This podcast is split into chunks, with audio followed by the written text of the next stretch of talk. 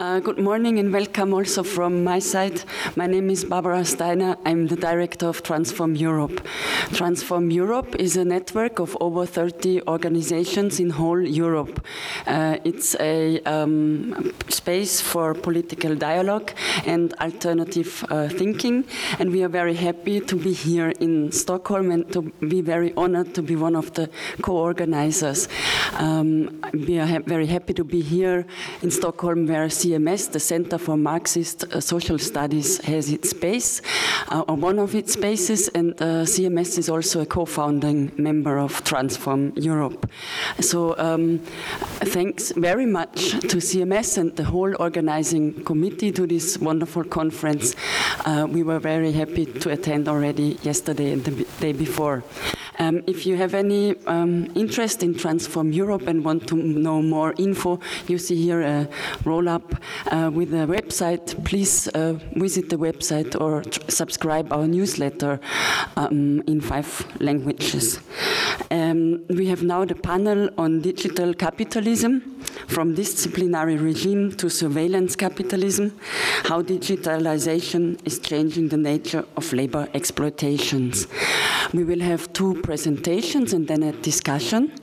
Um, uh, two presentations by Ekaitz Cancela and Marga Ferré. Ekaitz Cancela is a journalist and essayist. His latest book is Awakening from Technological Sleep uh, that has been published in Spanish. He currently works as an editor at the knowledge curation platform The Syllabus. Marga Ferré is the co-president of Transform and co-president of uh, Europe of Citizens Foundation in Spain. Uh, after there will be a discussion with uh, Jakob Lundberg. Um, he's member of uh, GigWatch. GigWatch is an organization monitoring the gig economy in Sweden, also holding study circles and educational events. And of course, we will also then um, have uh, the possibility for questions from you. Um, and we will finish uh, a little bit earlier to 11.30, maybe five, seven minutes earlier, because then there will be in this room um, the panel on the primitive accumulation in space. So thank you all again for being here, and thanks to the organizers, and uh, enjoy the session.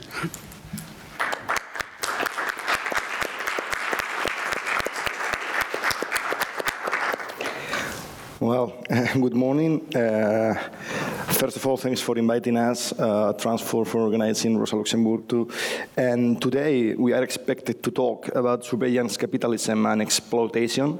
But given that the topic of the of the Congress is primitive accumulation, I would like to say a few words before on what I understand as primitive accumulation in the digital era and then we will move to, to the issue of exploitation. So I think that understanding correctly, and this is a pleasure to be talking in a Congress that assume that assumes that primitive accumulation is ongoing and is with us.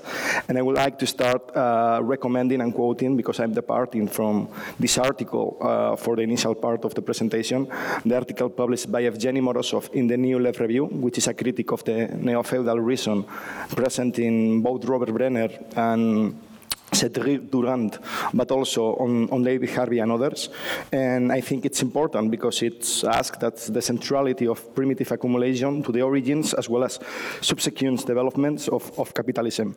It's also uh, a good text for dismantling a lot of myths on not just techno-feudalism, but on surveillance capitalism, which is this term coined by Shoshana Zuboff, on workerism, and some operaist visions. So, as you know, uh, in some Marxian accounts, as the ones of Immanuel Wallerstein, but in others, primitive accumulation refers to the use of extra-economic political means to capture and transfer surplus uh, from the core to the periphery as Wallerstein put it, so from the poorer to the richer countries. The origins of capitalism could not be understood without taking into account this ability of the core to appropriate the surplus of the world global economy, thus to focus exclusively on exploitation and ignore the fact that the core periphery dynamics of unequal exchange and primitive accumulation are still present today is to misunderstand the nature of capitalism. This debate, as someone will know here, originated from uh, in the 1962 with Raoul Prebisch and Hans Singer, but it also have a lot of people uh, accepting this framework like Arghiri Emmanuel, who denoted that an exchange taking place where the rate of profit has been internationally equalized, but wage levels have not. So beneficiaries are the high wage countries, consumers, or the workers of the North. This is interesting because we will see a lot of explanations about the digital economy that are departing from the vision on how it influences the workers of the global North without accepting or without understanding which are the consequences in terms of expansion of the global South. There were also other supporters of this vision, like Samir Amin, who tried to link it to his own argument on the independent and even development of rich and poor countries. You have also Bill Warren, you have also Geoffrey Kay, you have also Theotonio dos Santos, and you have Frank, Inker, Frank and Hector Michelena supporting this theory, which is the one I'm trying um, to approach tonight well, this morning.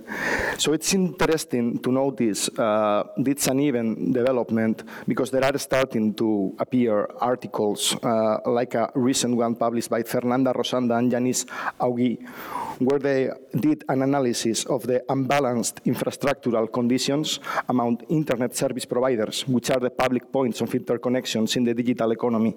So their data that they, uh, that they work with is that Apple is the most northern-oriented company with approximately 93% of its point of interconnection in the global south.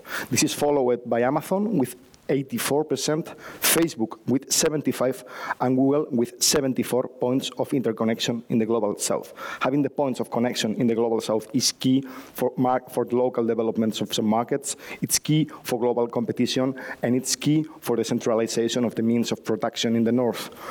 This idea of dependency theory in equal exchange and understanding correctly the uh, primitive accumulation approach, it's important because we, from Davos uh, to the OECD to the World Bank, uh, we are starting to see this idea of digital debate, which is like an idea that you can solve uh, every problem by connecting the periphery to the core by means of platform, cloud, ser cloud, cloud service, and at the end of the day, Silicon Valley firm.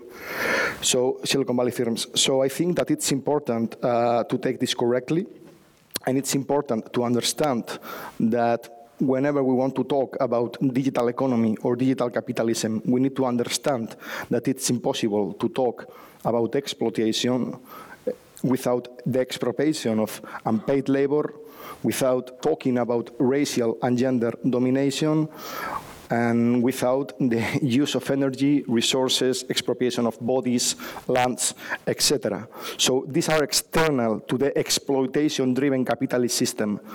But it's impossible not, not to accept the centrality of primitive accumulation in the development of digital capitalism without understanding this force and violence behind technologies, racism, dispossession, and carbonization. So if we want to bring Marx today, and if we want to understand what it means, the discovery of gold and silver in, silver in America, the extirpation, enslavement, and entombment in mines of their aboriginal popula uh, population, the beginning of the conquest and looting of the East Indies, I'm quoting Marx here, we should start trying to understand how these exploitation logics are adapted to the digital economy. Uh, one of the most interesting, well, one of the, a very interesting paper published recently by Mark Graham and his co-authors from the Oxford Internet Institute started to give us some light on the status of the unpaid work in the digital economy. And when I'm talking about unpaid work, I'm talking about hours spent and applying for jobs, typically in the context of in a lot of cases in the platform economy, you have like global uh, Just Eat, Uber delivery workers. There are there's time where they are walking, but there's a lot of time where they are walking for a delivery to appear. So there's also unfree, uh, unpaid work. There's also working beyond originally advertising timeframes and deliverables in order to maintain reputational indicators such as profile, rating, or status needed to access work. This, as we will see, is very important also in the case of uh, the digital economy with Instagram, where you need to work for free to develop your own your own cultural and social capital. In the case of Instagrammers, YouTubers, it's relatively clear that before they start earning money selling, advertising, or promoting stuff on their own accounts and monetizing uh, their brands on your on YouTube or with the videos. They need to build that reputation mechanisms, and that's also unpaid work. And then there are many other examples, but I will I would like to po point out to another example which is pretty clear of this class struggle and, and how unpaid work is visible in the digital economy in the case of journalists. So if you look at journalists, it's like, okay, uh, it's, um, it has been relatively repudiated in the few, in the last few years because of the centrality of Google and Facebook and the clickbait economy. But if you look to the journalists, they really have to work for free for Google, working on indexing every piece that they publish. So before publishing a piece, they need to prepare the SEO, so search engine optimization, so they need to do a lot of work. In these terms, they are working uh, for free in order to index Google. If Google need, imagine that Google needs to pay for every indexed piece in our search results it should be impossible to be one of the most profitable companies in the world. And we, here we can take the case of Spotify, which is maybe one of the most important companies in Europe on the digital economy, which is located here. It's a company that it's honestly giving losses every year, so they, are, they don't have profits, basically because they have to pay artists, but this model of Spotify, which is pro producing commodities, producing commodities based on the data that they extract, the predictions, the radar, the discovery radar, as they call it. I mean, this is a commodity. This is obviously paid work that they are giving to the art, well, to the artists, to the musicians. But if you compare it with Google, I mean, it's a relatively similar business model, but without paying a euro. So I think that this logic is quite present there. Then we also have race, uh, and it's important to talk about the centrality on race and gender because of these uh, reactionary movements uh, to talk about exploitation and the centrality of work and class without taking in account any other factors. And if you want to focus on race, you have a good amount of uh, recent research made on that. So uh, you have like Safiya Noble that argues that the combination of private interests in promoting certain sites along with the status of relatively small numbers of internet search engines leads to a biased set of search algorithms that privilege witness and discriminate against people of color, specifically women of color. then you have Ruha, Benjamin, um, that wrote, well, that coordinated a book called Carceral Technologies, where he goes from electronic ankle monitors and predictive policing algorithms to workplace surveillance systems and technologies originally developed for policing and prisons that had rapidly expanded into, into non-juridical domains, including hospitals, schools, the banking sector, social services, shopping malls, and digital life in general. then you also have a, a, very good book, Race After Technology, uh, also from, from Ruha Benjamin, where he talk about how surveillance technologies, which is different from surveillance capitalism, are used to facilitate systematic discrimination and not a la Zuboff, because you cannot see any of these ideas in the book of, in the 700 pages book of Shoshana Zuboff, not talking about race and gender discrimination. You have some good examples on the Human Provenance Pilot project in the UK, in the India Unique Identity Project, and in Kuwait's National DNA Initiative. So they try to start collecting DNA data to, to propose uh, a kind of Malthusianism uh, approach to digital technologies. You also have all the technologies that Palantir is used in the North American border with Mexico. You have all the examples of the of the Frontex uh, and the, most of the military providers in the borders of the global south. In, I mean, we know it very well because we, we live in Spain and we have Ceuta and Melilla near us. So we have a lot of racist technologies in place there. And then, well, there are a lot of examples. There is also very, very good work on Bruce Arriego and Olivia and Olivia Sau that they depart on the mass digital surveillance of social movements like Black Lives Matter uh, that are policed through technologies of information analytics.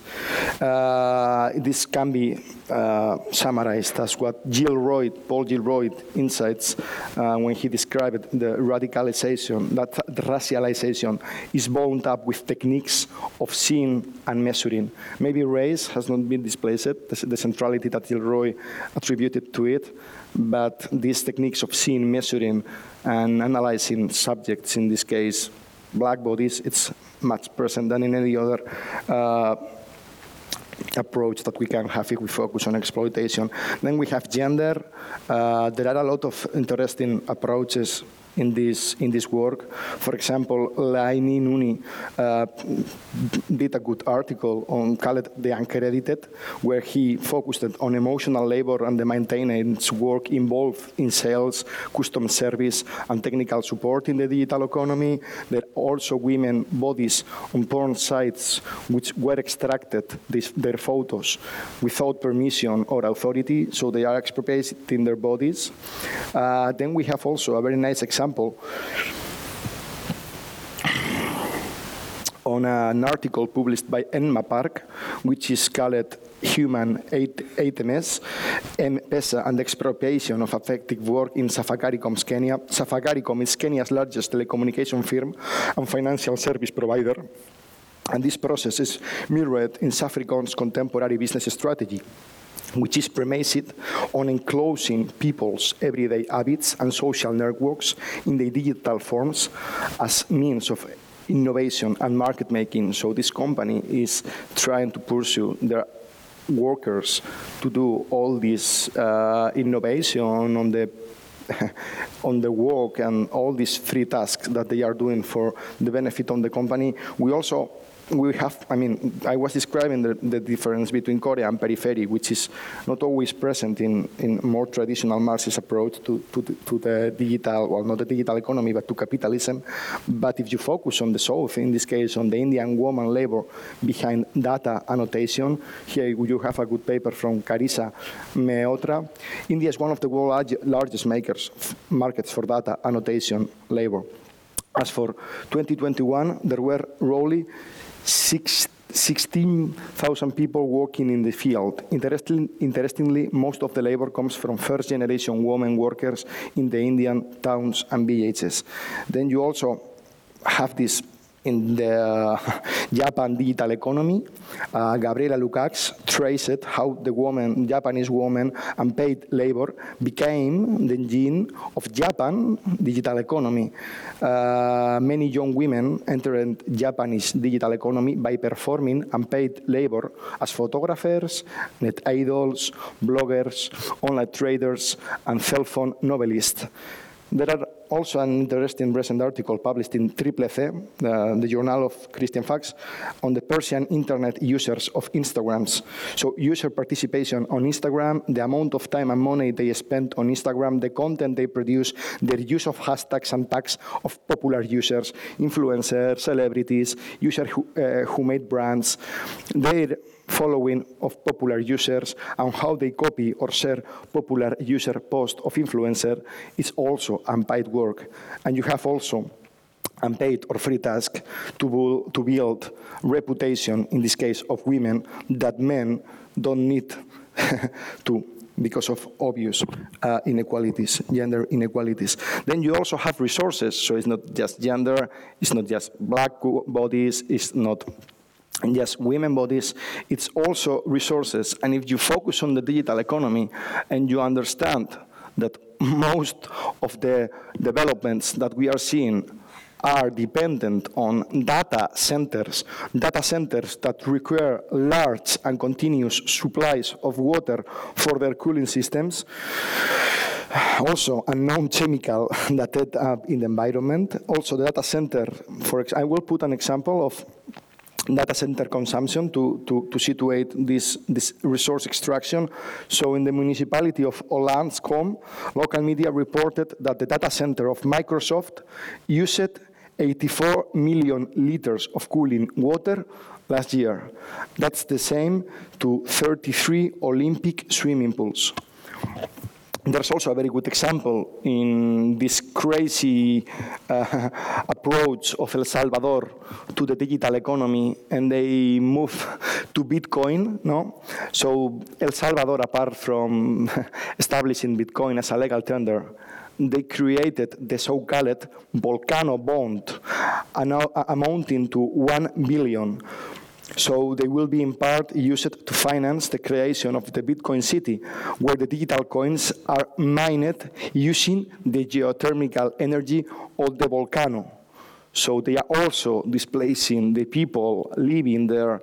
Uh, this expropriation of land, its enclosure, its land grabbing, associated also with the huge amount of energy involved on mining Bitcoin, and that's also expropriation. Uh, to end up with expropriation, I think that it's interesting and it's uh, very useful uh, to read the work of Jason Moore, who was a student of Wallerstein and Giovanni Arrighi, uh, because he explains correctly the appropriation of unpaid labor.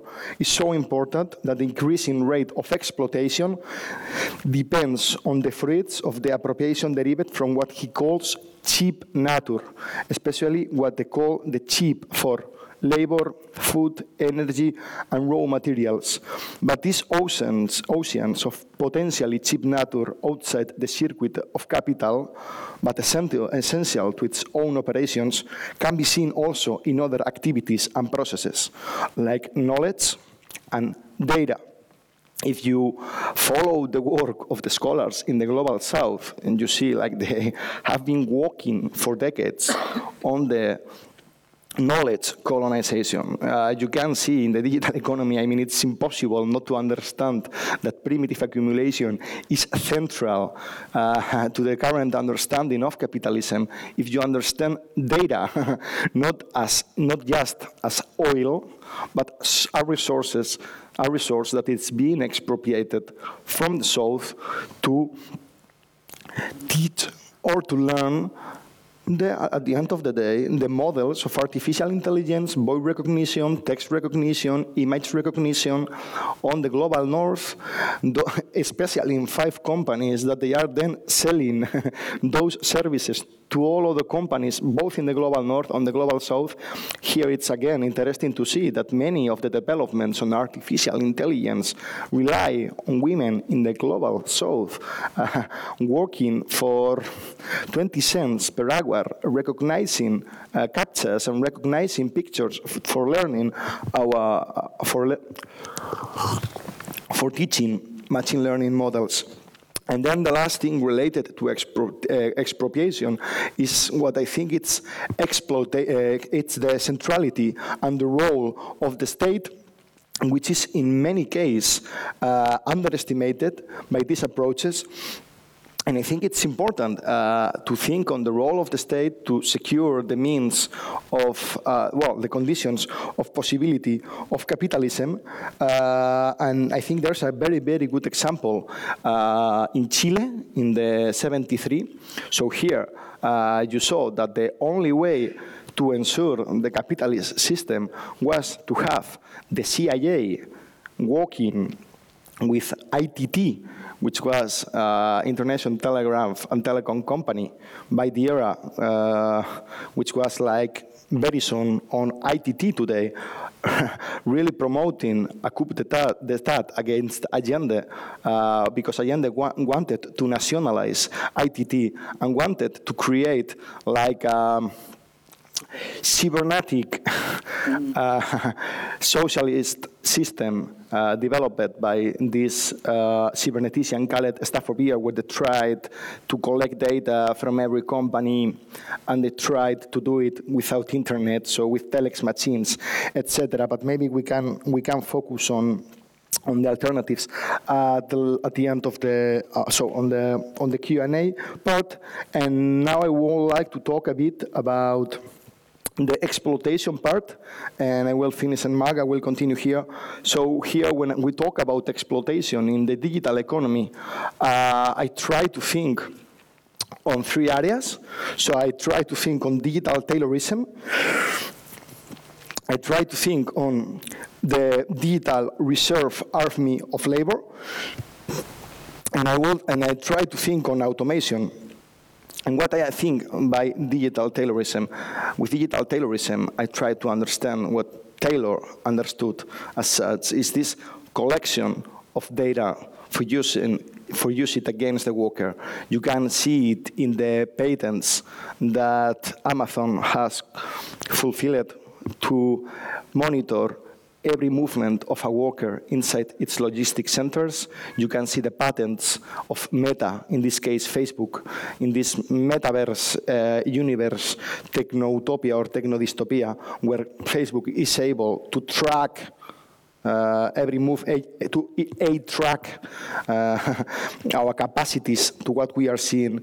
Uh, you can see this with Google Fitbits, which is able to track us uh, during the night, and it's capable of predicting if we are going to be tired, if we are going to suffer from anxiety and if we are going to be unproductive or if we are going to suffer from a depression and we will need to leave the job and they can introduce all these techniques in the hiring processes so we have this digital taylorism uh, which is interested because there's a lot of amount of cash going on here in terms of uh, investment of uh, of, of, capital of, uh, in this case, Silicon Valley firms. And the, here there's a very good analysis uh, made by Kim Moody, so he's basically arguing that Toyotism and this this Taylorism, uh, well, what I'm calling digital Taylorism, has been key uh, for the huge increase of productivity in the capitalist system during the last 20 years.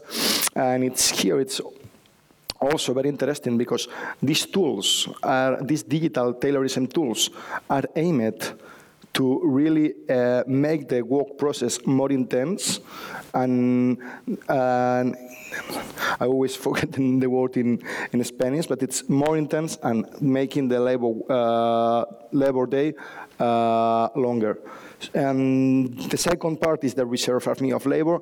I think this is also an, an, an important strategy of capitalists uh, to exploit workers uh, because with the a huge amount of platforms that we have, like Fiverr, like Freelancer, like Upwork, like Amazon Mechanical Turk, with our crowdsourcing platforms that at the end of the day are capable of expanding the digital reserve army of labor, what Marx, uh, if I remember correctly, in the chapter 25, describes la, as a Newtonian law. So when the reserve army of labor is bigger, then there's more competition and the salaries go down.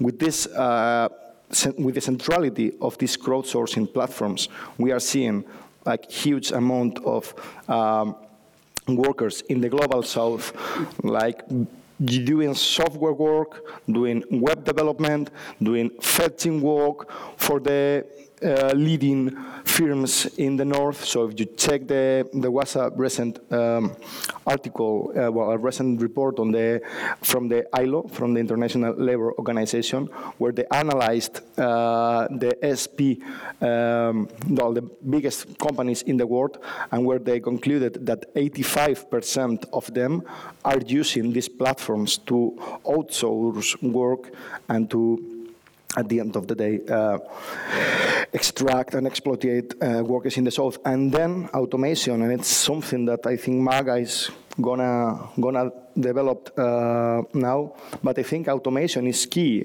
because when you have digital Taylorism, you have this kind of reserve avenue of labor, but well, you obviously have workers complaining, you always have workers fighting because they are workers and when, their conditions are being precarious and when they are being exploited, uh, they really go on a strike, they really fight against capitalism. Uh, so one of the best strategies here uh, from on the capitalist end is that of uh, automatizing the labor processes. So this is something that we are seeing very clearly uh, in Spain, but in a lot of places with Amazon, that they are experimenting with the first uh, automatized firms. We are seeing this in Barcelona, for example. Uh, we are seeing this, I mean, if you compare the number of workers that big tech firms have, uh, compared, for example, with uh, car producers or any other industrial company uh, of the last 20 years, you see that they employ much less workers, and you see how they are promoting not just automation inside, but they are they are like the regulatory capital, if we use the, the, the term of Anwar Shaikh quoting, quoting, quoting Marx. So they are developing the means of production which require less costs and are much more efficient, are, are eager to give long-term profitability to the firms. So if you see like Amazon Web Service, Google Cloud, Microsoft Azure, they are developing uh, service, cloud services that they offer, obviously, as a service to other companies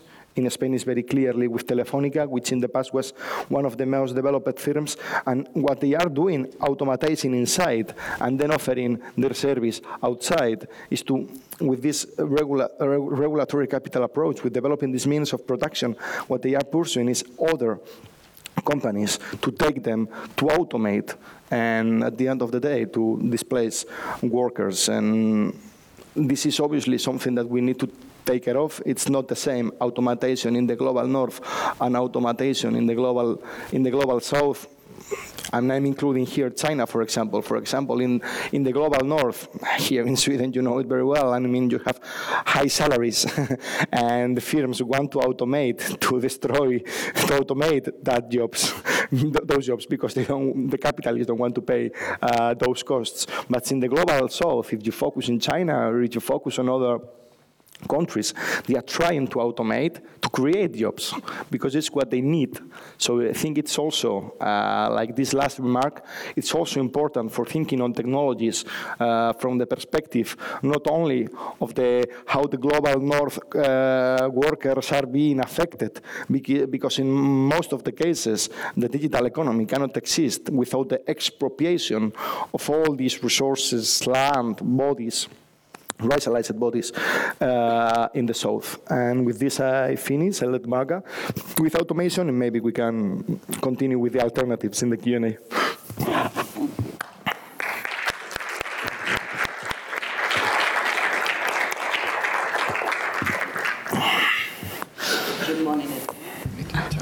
Okay, good morning, everyone. Uh, thank you for being here this morning. I'm Marga Ferré, I'm a Spaniard.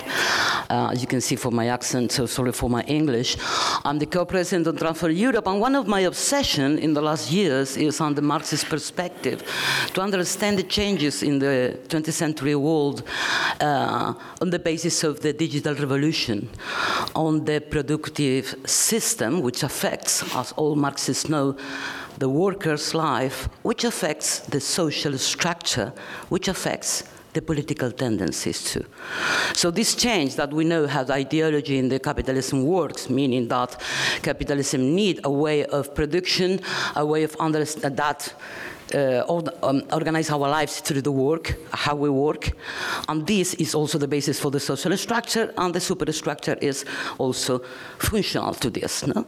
So if there is some changes in the productive system, how that affect to the rest? No? And what, not me, but uh, I discovered is that I think we are uh, Marxists and leftists, we are not so much aware of what is really happening. And that's worry me a lot. in terms that the revo digital revolution that is happening in the world today is changing so much the productive system that is similar to the first industrial revolution.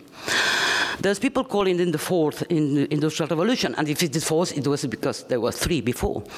And I think that I'm not going to focus much more on the primitive accumulation, but one of the consequences, which was the first uh, industrial revolution, because I see some similarities to what is happening today. Two years ago, I heard one professor of the London School of Economics uh, talking about the digital area is following the Engels paradox. I didn't know what Engels paradox was, so I studied, and, and the, the orthodox neoliberalist economists is a term they use for something that Friedrich Engels discovered in the first in, uh, uh, industrial revolution.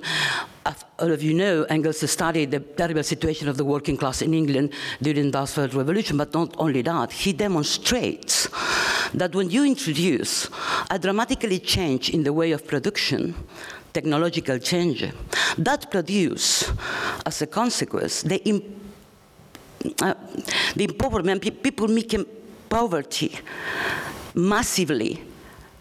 And this impoverishment is for 30 and 40 years under Engels' analysis. So these bad consequences of introducing a dramatically change in the way of production, which means that there is the benefit is for the few and there is a massive impoverishment of the population for 30, 40 years, is what they, they call Engels paradox. It's not a Marxist terminology. I'm saying that is their terminology to say about that. So the question is that if we are or not confronting a new Engels paradox with this digital revolution. When we talk about digital revolution, please be sure that we are not talking only about platforms of, uh, or internet. We are talking about artificial intelligence and advanced robotics. So it's not only about Google, which is of course the main company, but the whole process is affected by, by it. So I remember that one of the reactions we have with these uh, changes, digital changes in our productive system is also against the machines. So there is a tendency, uh, anti-technology tendency, knowing that the new technologies are affecting in our lives so much that that reminds me the first reaction of the working class when the first technology was introduced in the uh, first uh, uh, industrial revolution, which was the Luddites. No, I don't know how the pronunciation in English, no, but this was the workers against the machines uh, at the beginning of the 19th century, at the beginning of the capitalism. But I would like to say that these workers were not against machines, and I love to quote it, one of their brochures, but at the time, time in the 19th century, they say that they don't, uh, are not against the technology, but they are against the use, using machines fraudulently and deceitfully. Meaning that they were not against the technology, but the cut off wages on uh, the worst uh, working conditions that the capitalists uh, imposed to the working class under the excuse, not the excuse, but the idea of uh, profits through machines. What I want to take, uh, the idea is the rage against the machine, because you know the Luddites uh, passed to history as the pardon of the rage against the machine, no? which is not true. It's another, another myth. But let's take this idea of the rage against the machine, because probably we will see that in part of the working class, as we see seen today because the reaction logically is there because they are literally occupying our jobs and our minds and the way we understand uh, the world. So are we or not in the gates, the gates of the new Engels paradox? And the data say that yes, we are confronting one of this. So uh, the OECD uh, countries or economies uh, have been increasing in the last year because of the digitalization, but the wage is not. And the wages, particularly this year, is going down. So this uh, is exactly the same what happened in the first industrial revolution. No? So this idea of the huge accumulation in, in few hands no? and the massive population uh, having less power. But not only the OECD is advertising about this problem we have, but even the, the, the European Commission itself, in the strategic prospecting, prospecting report published in September last year, said something amazing. He said literally, in the future, the future is 10 years eh, for them, 10 years only. In the future, 50% of the current jobs could be automated. New jobs will appear, but they will require new skills. If left undressed, this trend could erode fundamental social rights and increase inequalities and dependencies within and between states. In short, even for the guardians of the neoliberal orthodoxy, they know that even defending the free market of the digital economy, they know that there's painful behind. In short, and this is my hypothesis, the fourth industrial revolution threatens our labor rights and can worsen our living conditions. Let me insist once more, please don't think in an app in a, tele, in, in, a telephone.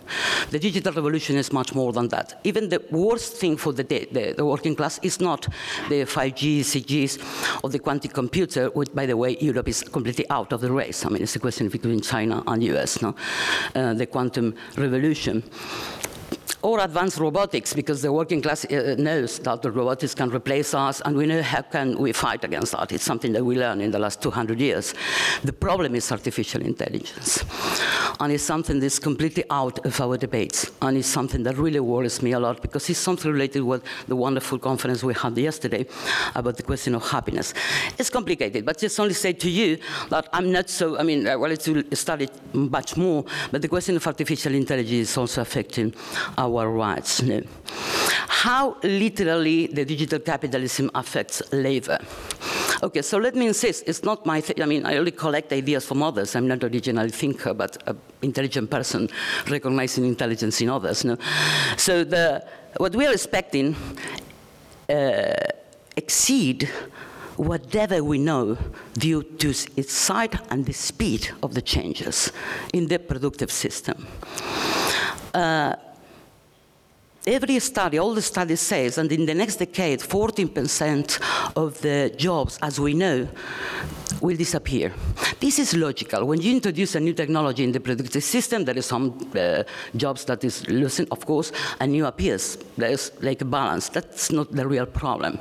The problem is that will also affect 35% of other jobs which will be changed dramatically because of the appearance of the digital technologies. That means that the 50% of the jobs as we know today is, are changing or will change dramatically in the next decade.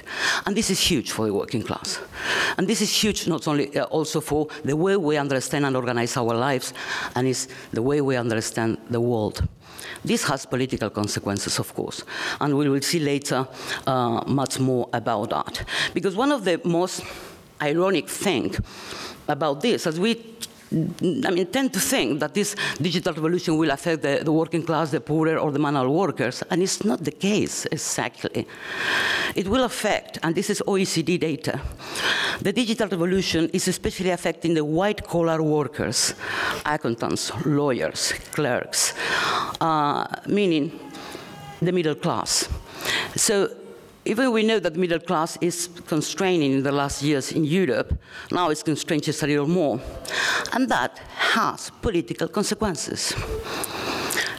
Just only, I'm not going deep inside that, but it's only saying that it's much more difficult today to change the working class. I mean, uh, to, to be a middle class, if you are from the working class, is much more difficult than in the past.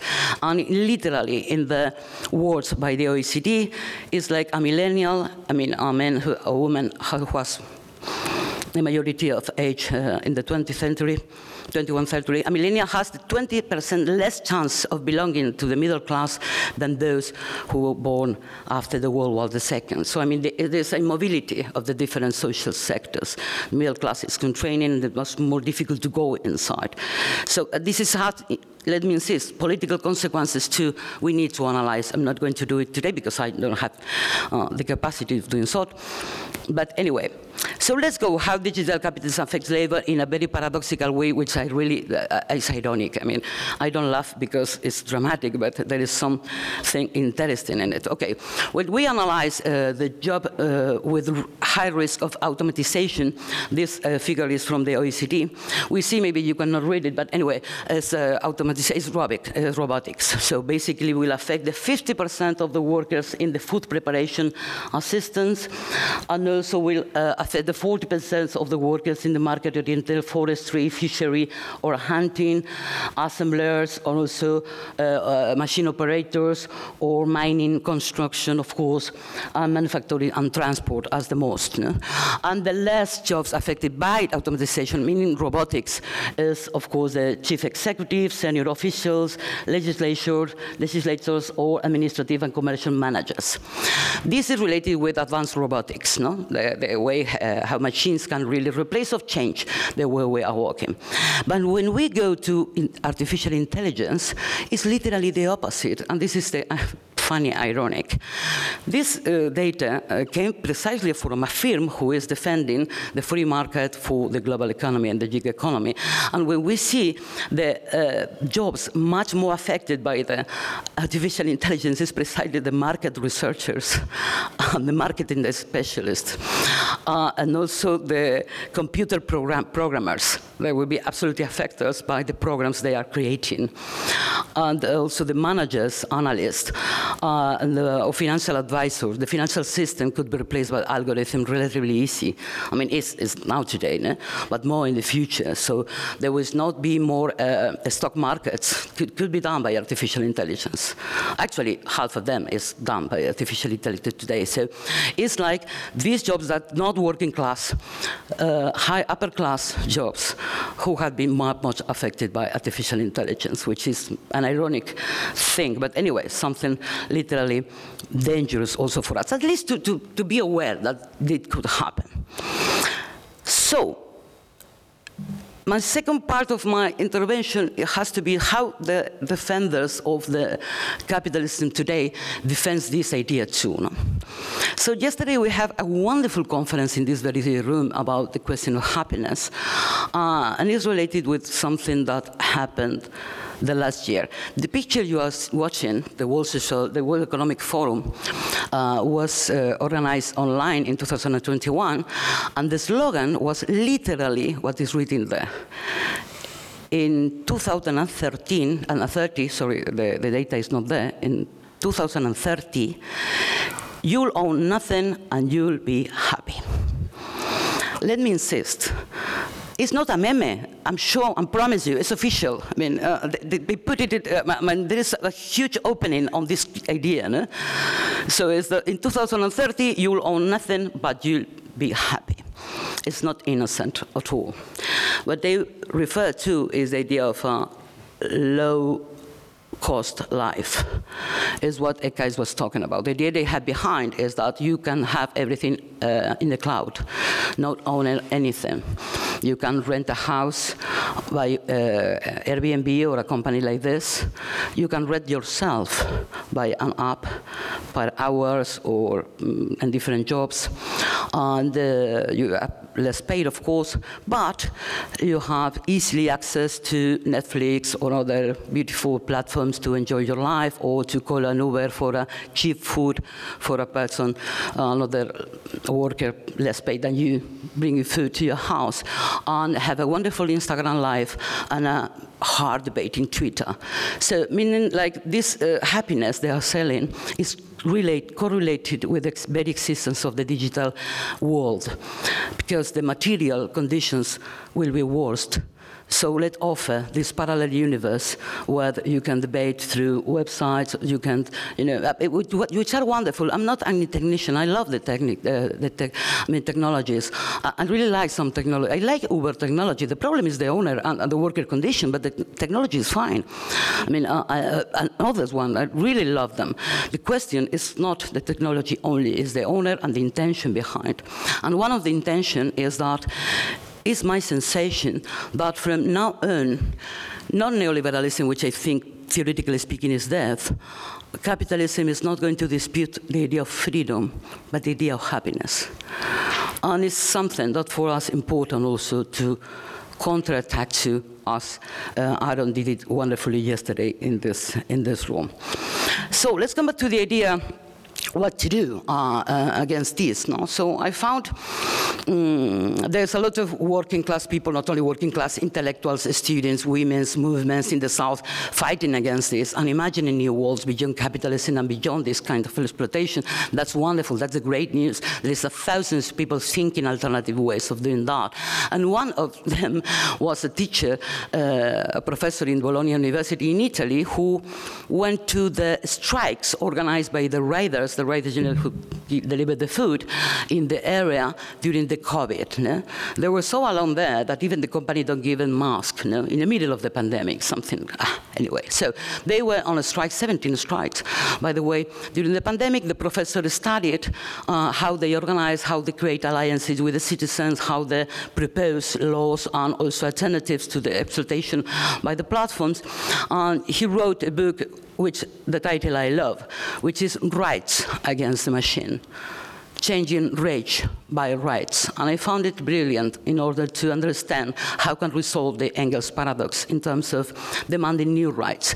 But it means that we as leftists or Marxists or people organized with others for a better world must understand that the tools we need to fight for people today are different from the 20th century, necessarily different or uh, at least substantially changing the way we used to, to fight before or to struggle before. That is essential to understand because if not, uh, it will be more difficult for us to uh, stop what is happening. One of the things to stop then, of course, is the law. I mean, I come from a country, Spain, where the uh, Minister of Labor created a law against the, uh, the platforms uh, in order to regulate the, the workers. And it, it, worked. Actually, when the law was approved, Amazon made contracts like thousand in Spain eh, in order to avoid the, the law, I mean, to follow the law. So the law is one of the instruments, but it's not only that.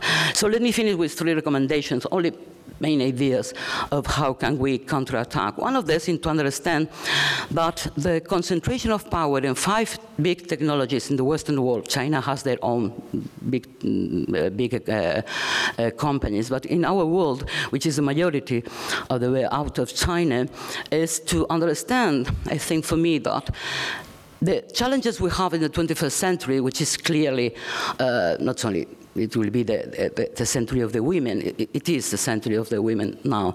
But uh, we need to stop climate change, and also we need to uh, mm, deal with this digital revolution. And these two things, the climate change and the digital revolution, are clear and unavoidable, and they require a Copernican change in the way of production and consumption. So that means that the, the I mean, for us, for me, the task uh, uh, progressive people have in front is not letting the big companies and monopolies to be the driving force of these changes. Uh, really, because the problem is that they are so big that it's not a question of monopoly. Amazon in the West world is, is not, uh, has not a privileged position in the market, no. Is the market, has replaced the market. You have a small shop in Spain or in Sweden and you can sell something on internet. You cannot do it without Amazon.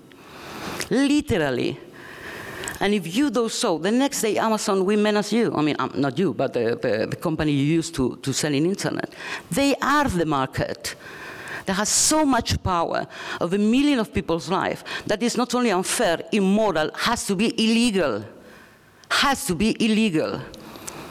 And this is one of our fights. Not only they don't pay taxes, which is immoral, is that they only also occupy our minds and the way we enjoy the life because we cannot go all the way by Google, Netflix, or whatever. So, I mean, it's so few, so few that they are their market in some places, particularly Google and Amazon. So, I mean, fighting for good laws, not only for workers, but against this big te uh, technology, I only think is the big favor we can do in the 21st century, really. And the second, I think, this, I'm finishing now uh, with this another idea. One of the most terrible things is that to replace the idea that technology is knowledge, and it is not. I mean, we need to defend uh, the, I mean, how to say it? The knowledge is a right and it's not only a technical question. Knowledge is more than that and has to be shared by every human being. So the patterns that they own and don't share has to be a common good, particularly our personal data. Every time, the problem of, the, of the, this system is that is, uh, we feed the system voluntarily all the time. Each time we use internet, we voluntarily put our inputs there for free. And they manage it. I mean they, because it's not public, it's private.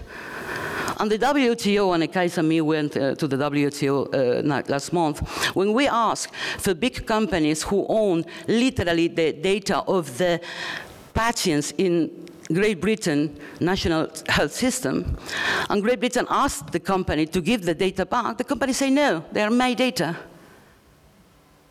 It's this, I mean, it's amazing, it's crazy, and the WTO support them. And there is a huge campaign for the WTO to stop that rule and to say that it would become to, to, to human rights. We need the data to be a common good for all of us because we can use that better for the good. I mean, it's a good technology. I mean, the technology could be good if it is really, really well used. No? And the last uh, idea I have is that we need to dispute in the very concept of work.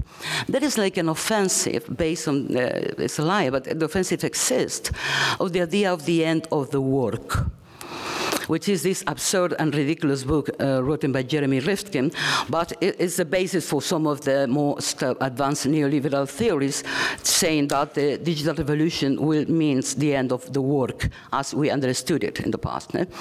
Uh, what they want to say is that the working class is not a, uh, an actor or a political actor was the real intention behind it.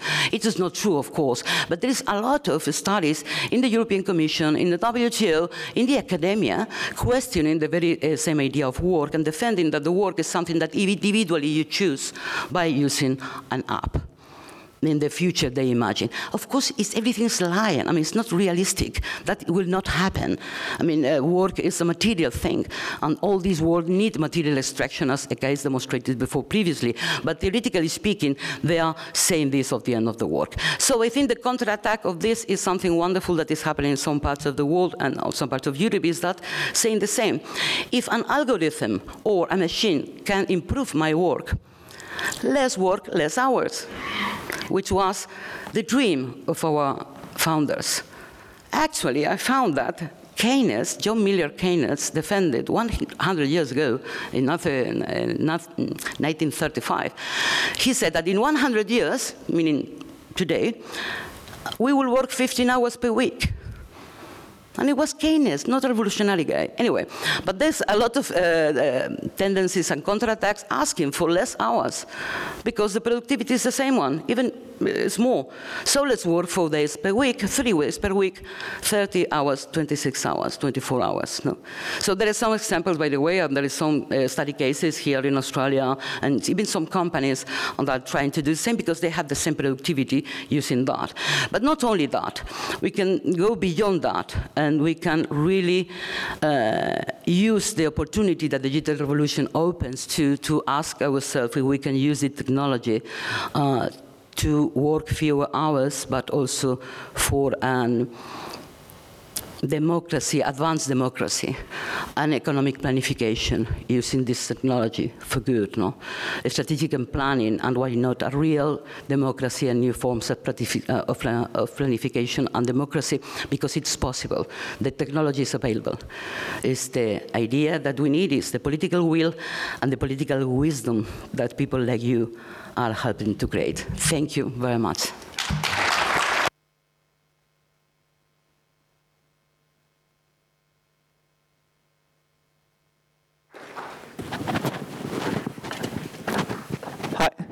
Okay, good. It's working.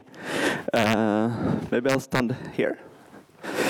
Um, so uh, my name is uh, Jakob Lundberg. Uh, I'm uh, a member of uh, the Swedish uh, group GigWatch.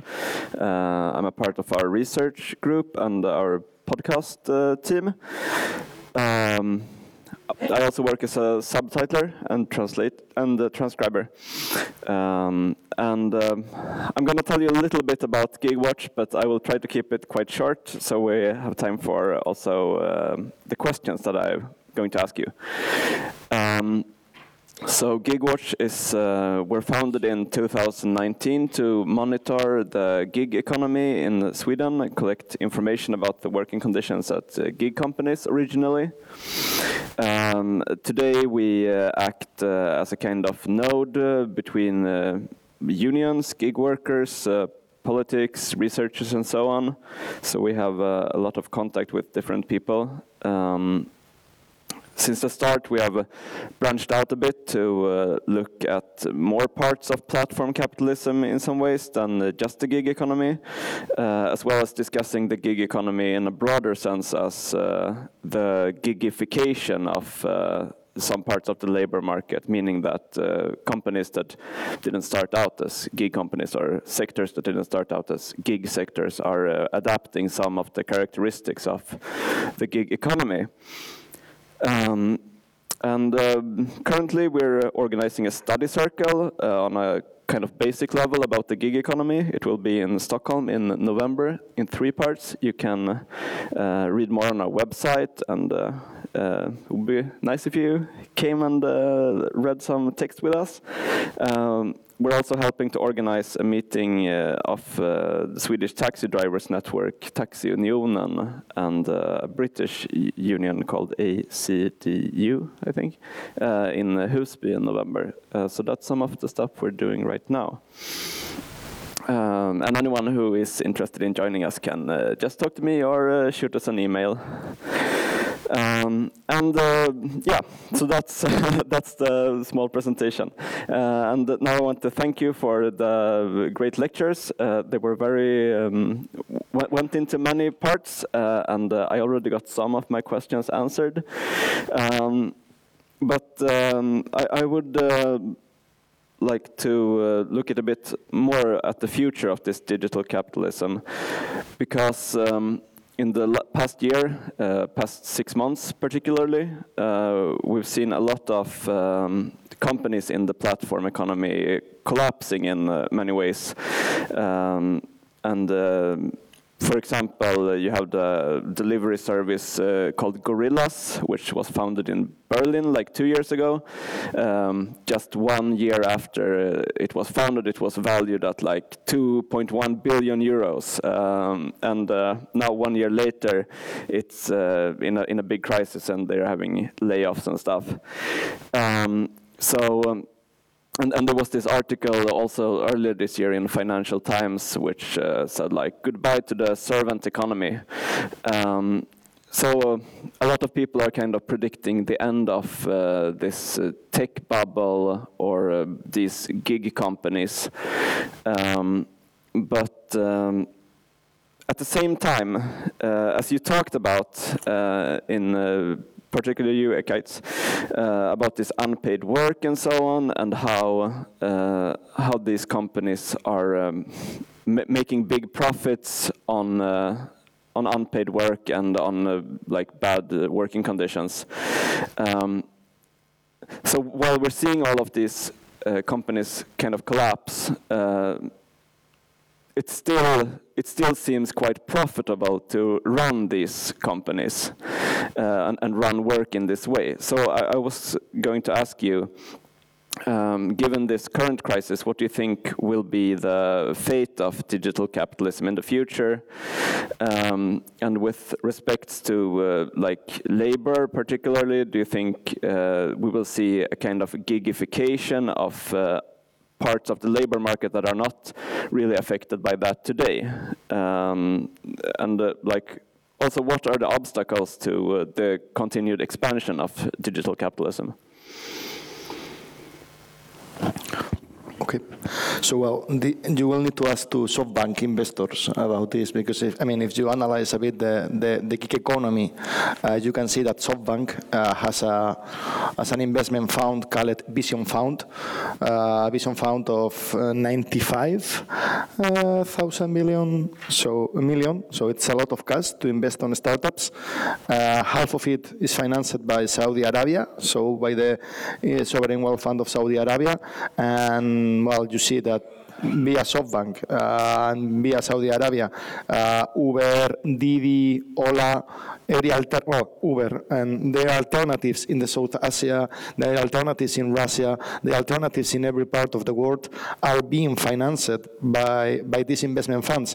And you see that Uber is has been losing money uh, at a rate of 5,000 mi uh, millions per, per year. So they are not profitable at the end of the day. So what we all want to see, it's obvious. They are spending so much cash on these companies, uh, trying to monopolize the market in this case of transportation, of delivery, so I financed Uber, financing Uber and all the competitors. If you look to if you look to global, if you look to other investments, you see the same uh, logic, but with other investment funds. So we will see if they continue, if they are able to continue spending money. If you look to the last decision of SoftBank uh, and these investment funds, that you, you see that they are starting uh, to reduce the investment of some startups. So it's easy to see more startups collapsing uh, because they are not profitable and they are losing and burning cash, irrationally burning cash which is this something that goes from Marx to, to, to Max Weber. No, it's an irrational, uh, capital is irrational. So, so we don't know what investors are going to do, but we, it's relatively clear that they are not continuing investing in so many uh, platforms. We will see the consolidation of some of them because competition uh, will go to another level. So there will be less startups, but much bigger if, if they can. But the logics, overall logics in, in this in this field will be the same. Mm. I mean, you are seeing this uh, Taylorist approach or this Uberization of work, you are seeing it in uh, other areas such as health, such as education, uh, such as law. Uh, so this is going to increase for sure because the technologies that are being developed for this purpose are increasing and are being uh, financed uh, year after year. Mm. But this is, again, this is not new. This comes back, as, as Kim Moody uh, argues in, in his book, the, the Terrains, the New Terrains of class struggle, published by Haymarket Books. Uh, he traces this uh, back to the last 35 years. So with Toyotism, with Taylorism, so, so we will continue uh, seeing uh, an offensive against work a more sophisticated one, uh, using more sophisticated technologies. We will see more patents that track workers. We will see that the what we call the reserve terminal level will continue increasing because we will have more platforms occupying more spaces of our life. And not just uh, re regarding to the to work but we will also see it for any human activity or any human experience. So every activity, this was in Marx. I mean, it's like from Marx taking from Aristotle. Aristotle is like everything, every every human activity should be its production is, is, is labor. But if you understand a bit the current situation with digital technologies, it's not just that everything is labor. there are other human activities, and we, we can see this uh, in the digital economy. So it will continue commodifying and expanding expanding markets to every area of our life. So I doubt we will see any kind of collapse of digital capitalism mm. as much we will see the world collapsing as if we were talking in the terms of Frederick James. yeah, it's easier to imagine the end of the yeah. world than the end of digital yeah. capitalism. Um, do you have any thoughts, Marga?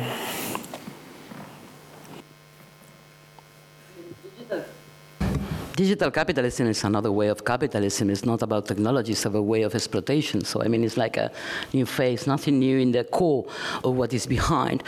Uh, the, I think for me, the most worrying thing is that what they call the surveillance capitalism, the way that the, the capitalism disciplinate the workers not anymore at the workplace, but also with uh, having all your data. No? If you put my name in Google, clearly appears a red flag and you know uh, what 20 conferences on communism. So uh, I cannot go to the free market uh, I mean, as we did in the past, lying or to often our, uh, our brains of our hands to work so freely before. And also they are developing algorithms for the human resources in the companies. Actually, they are doing that now. I mean, it's not something in the future. So it's an algorithm who is deciding who are the CIOs or the most responsible people in a company.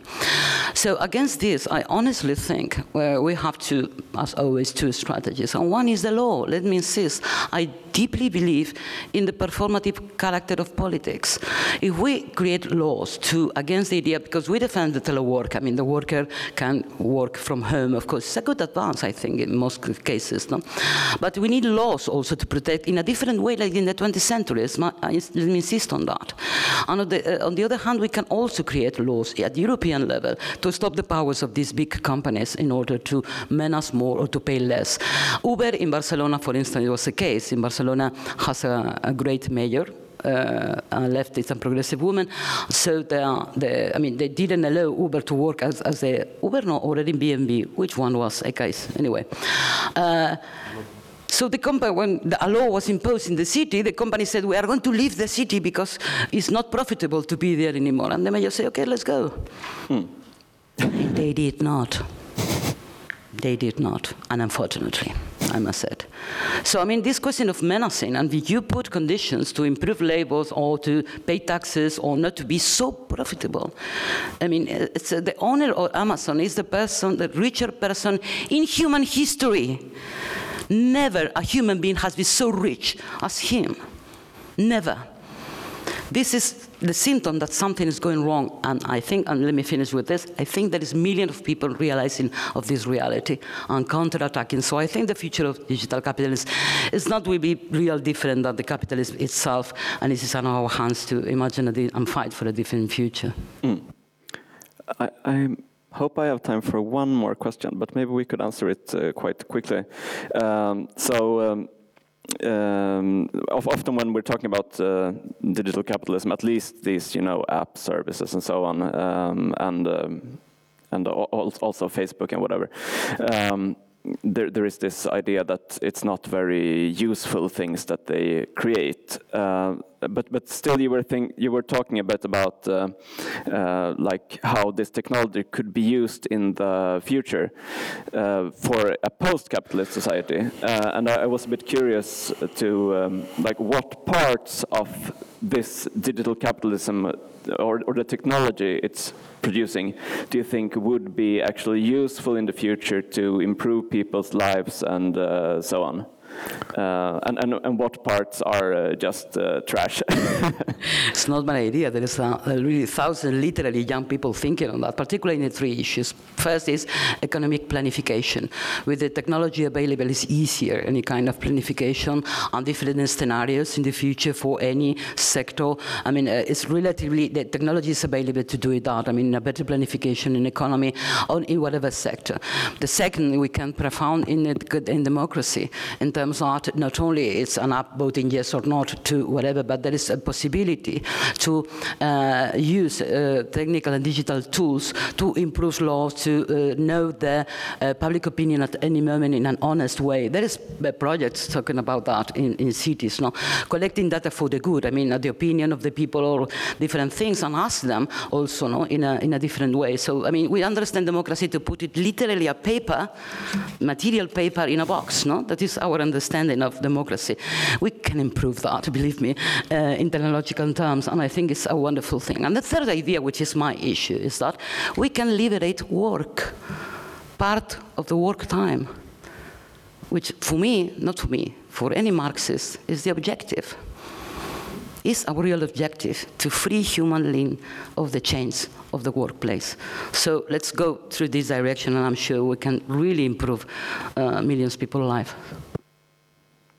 So, I mean, for me, it's clear. Uh, I mean, I'm, I'm, I'm, not, I'm not in favor of the current platforms, so I will develop new ones.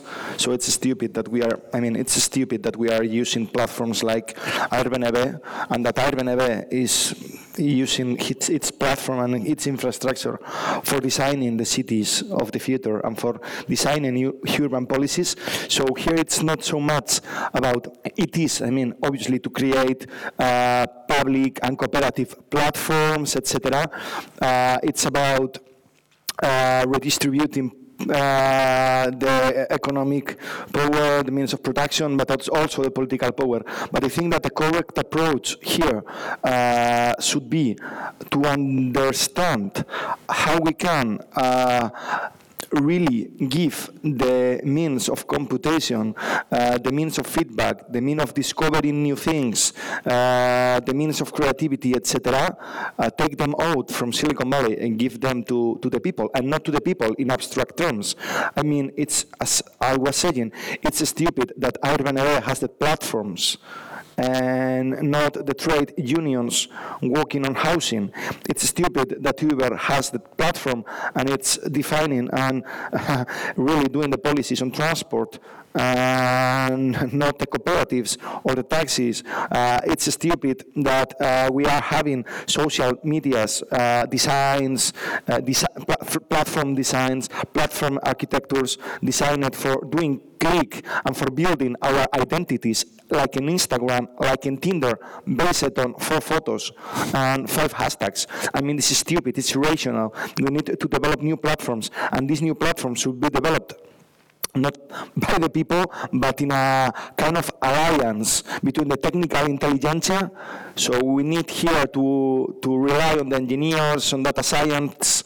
Uh, this also can be uh, a way uh, to introduce more women because we have very few women in this technical work, but we also need to work between this technical intelligentsia and the social scientists, so with sociologists, urban sociologists, uh, with obviously philosophers, with obviously uh, people in charge of political science, etc. But we also need to introduce into that alliance uh, the activists, the social movements, because I mean, at the end of the day, uh, when we talk about digital solutionism, that every problem can be solved technically, it's not every problem can be solved technically. It's that every problem can be solved by a private corporation. Uh, but Uber and Airbnb don't know the problems of the cities. The people who knows the problems of the cities are the social movements and the organizations. So uh, what we need to, to do is to create the, the means and the infrastructures so, so these movements can uh, use these computational advances, this increasing on ubiquity technologies uh, to develop new uh, radical platforms uh, that can solve problems. And this goes like, it's, this is something that can be imaginable and developed at the local city level. So obviously you need the state, obviously you need Europe, but you can do a lot of experiments on the local level. Uh, I mean, if you socialize the platforms, you socialize the means of production, and building alternatives to Glovo is not so expensive. Building uh, educational alternatives to Google and Microsoft is not so expensive, and the same goes for health. We are spending a lot of money on public contracts, a lot of public money on developing private softwares built by IBM, by Deloitte, by McKinsey, etc we scraped all the public contracts in Spain, and you see huge amount of money going for softwares that for developing a video conference software for the Ministry of Justice, and the same one for the Ministry of, of Health, and you are spending 1 million euros, you are spending 3 million euros unifying databases on a local government. I mean, this is crazy. All this public money should be translated into public code, uh, and we need, and this is also in the vein of Claude Lefort on all these democracy theorists that uh, uh, we need to really use open software technologies, but financed by the state and with some kind of not privacy designs, but you need to, re to really uh, put rights by design. Uh, you really need uh, to ensure that the data cannot be uh, um, think like a commodity. The data is not our pro pro uh, property, it's not uh, the property of Silicon Valley. It's data, it's a common good that can only be used uh, for improving the solution to pollution in cities, for improving uh, the problems of mobility, for improving uh, the problems of uh, housing, improving um, urbanism problems. So this is the approach that we need to think collectively uh, with different uh, sectors of the civil society involved, but with the only aim of saying, no, sorry, I mean Google, I mean you are a company of Palo Alto. How on earth are you going to organize the knowledge in Barcelona or in Stockholm? I mean, how I mean, do you know anything about this city? So do you think that putting here like a search engine with Boolean searches, which is super basic, which is bullshit ways of discovering knowledge and discovering new things. So we need to really develop new platforms uh, that are really based on human needs, local human needs, regional human needs, national human needs, and maybe at the level of Europe, pan-European uh, needs. So that's my approach. Thanks. and now we have to finish. Sorry. Thank you very much uh, for uh, listening in. Thank you very much, Jakob Lundberg uh, and GigWatch for uh, the questions and the discussion. And uh, yeah, now looking forward to the next session uh, on accumulation in space.